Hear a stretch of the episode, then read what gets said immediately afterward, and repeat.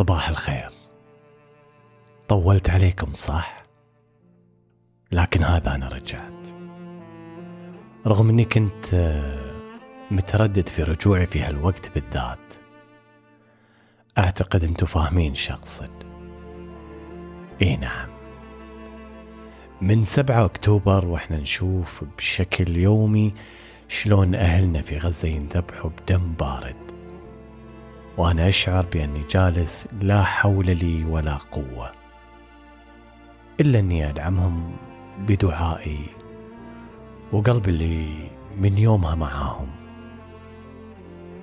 مهما تصورت اللي قاعد يصير هناك أبدا ما راح أشعر بنفس شعورهم.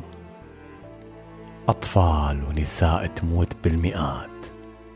مباني تهدم. حتى المستشفيات.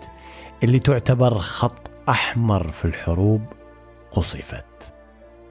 حرب خالية من أي شكل من أشكال الإنسانية اللي نعرفها. حرب بينت لنا شلون؟ بأن من الممكن انه يكون هناك وحوش على هيئة بشر يتغذوا على دماء الأطفال والأبرياء. فقط لأنهم يطالبوا بوطنهم اللي سلب منهم من أكثر من 75 سنة. حقهم اللي خسروا فيه آلاف الأرواح عشانه. ولا زالوا مصرين إنهم يستعيدوا هالحق إما الوطن أو الاستشهاد والاثنين ما أجملهم. لذلك إذا بغيت تشوف معنى الصمود والقوة والإرادة والعزة شوفها في هالأرض. اللي شعبها مو مستعد يستغني عن شبر واحد من ترابها. يا رب تحفظنا في أوطاننا وتنصر كل مظلوم في كل بقاع الأرض. دعائي لكل إخواني وأهلي في غزة العزة بالنصر. والله يحفظ أهلها.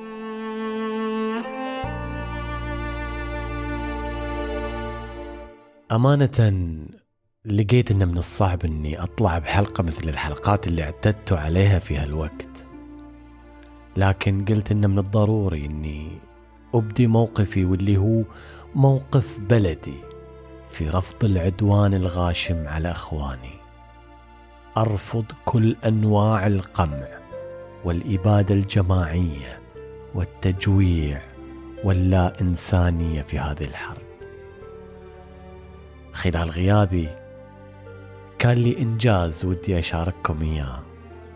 لكن هم بعد راح أأجل الإعلان عن هذا الإنجاز عبر البودكاست في هذا الوقت وأتركه لوقت آخر.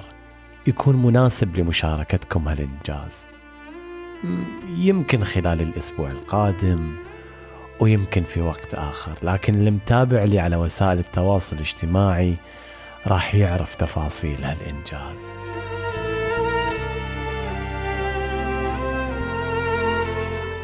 يا رب يا رب يا رب إنك تحسن الأحوال وتفرحنا ونسمع الأخبار اللي ترجع لنا الابتسامة وترجع حلقات صباح الايجابيه المليانة فرح وإيجابية ونفس متفائلة. إلى ذلك الحين أقول لكم تفائلوا بالخير. وثقوا بأن الله تعالى مخبي لنا أيام جميلة جدا. نحتاج بس أن نثق بالله. ألقاكم على خير ويا صباح.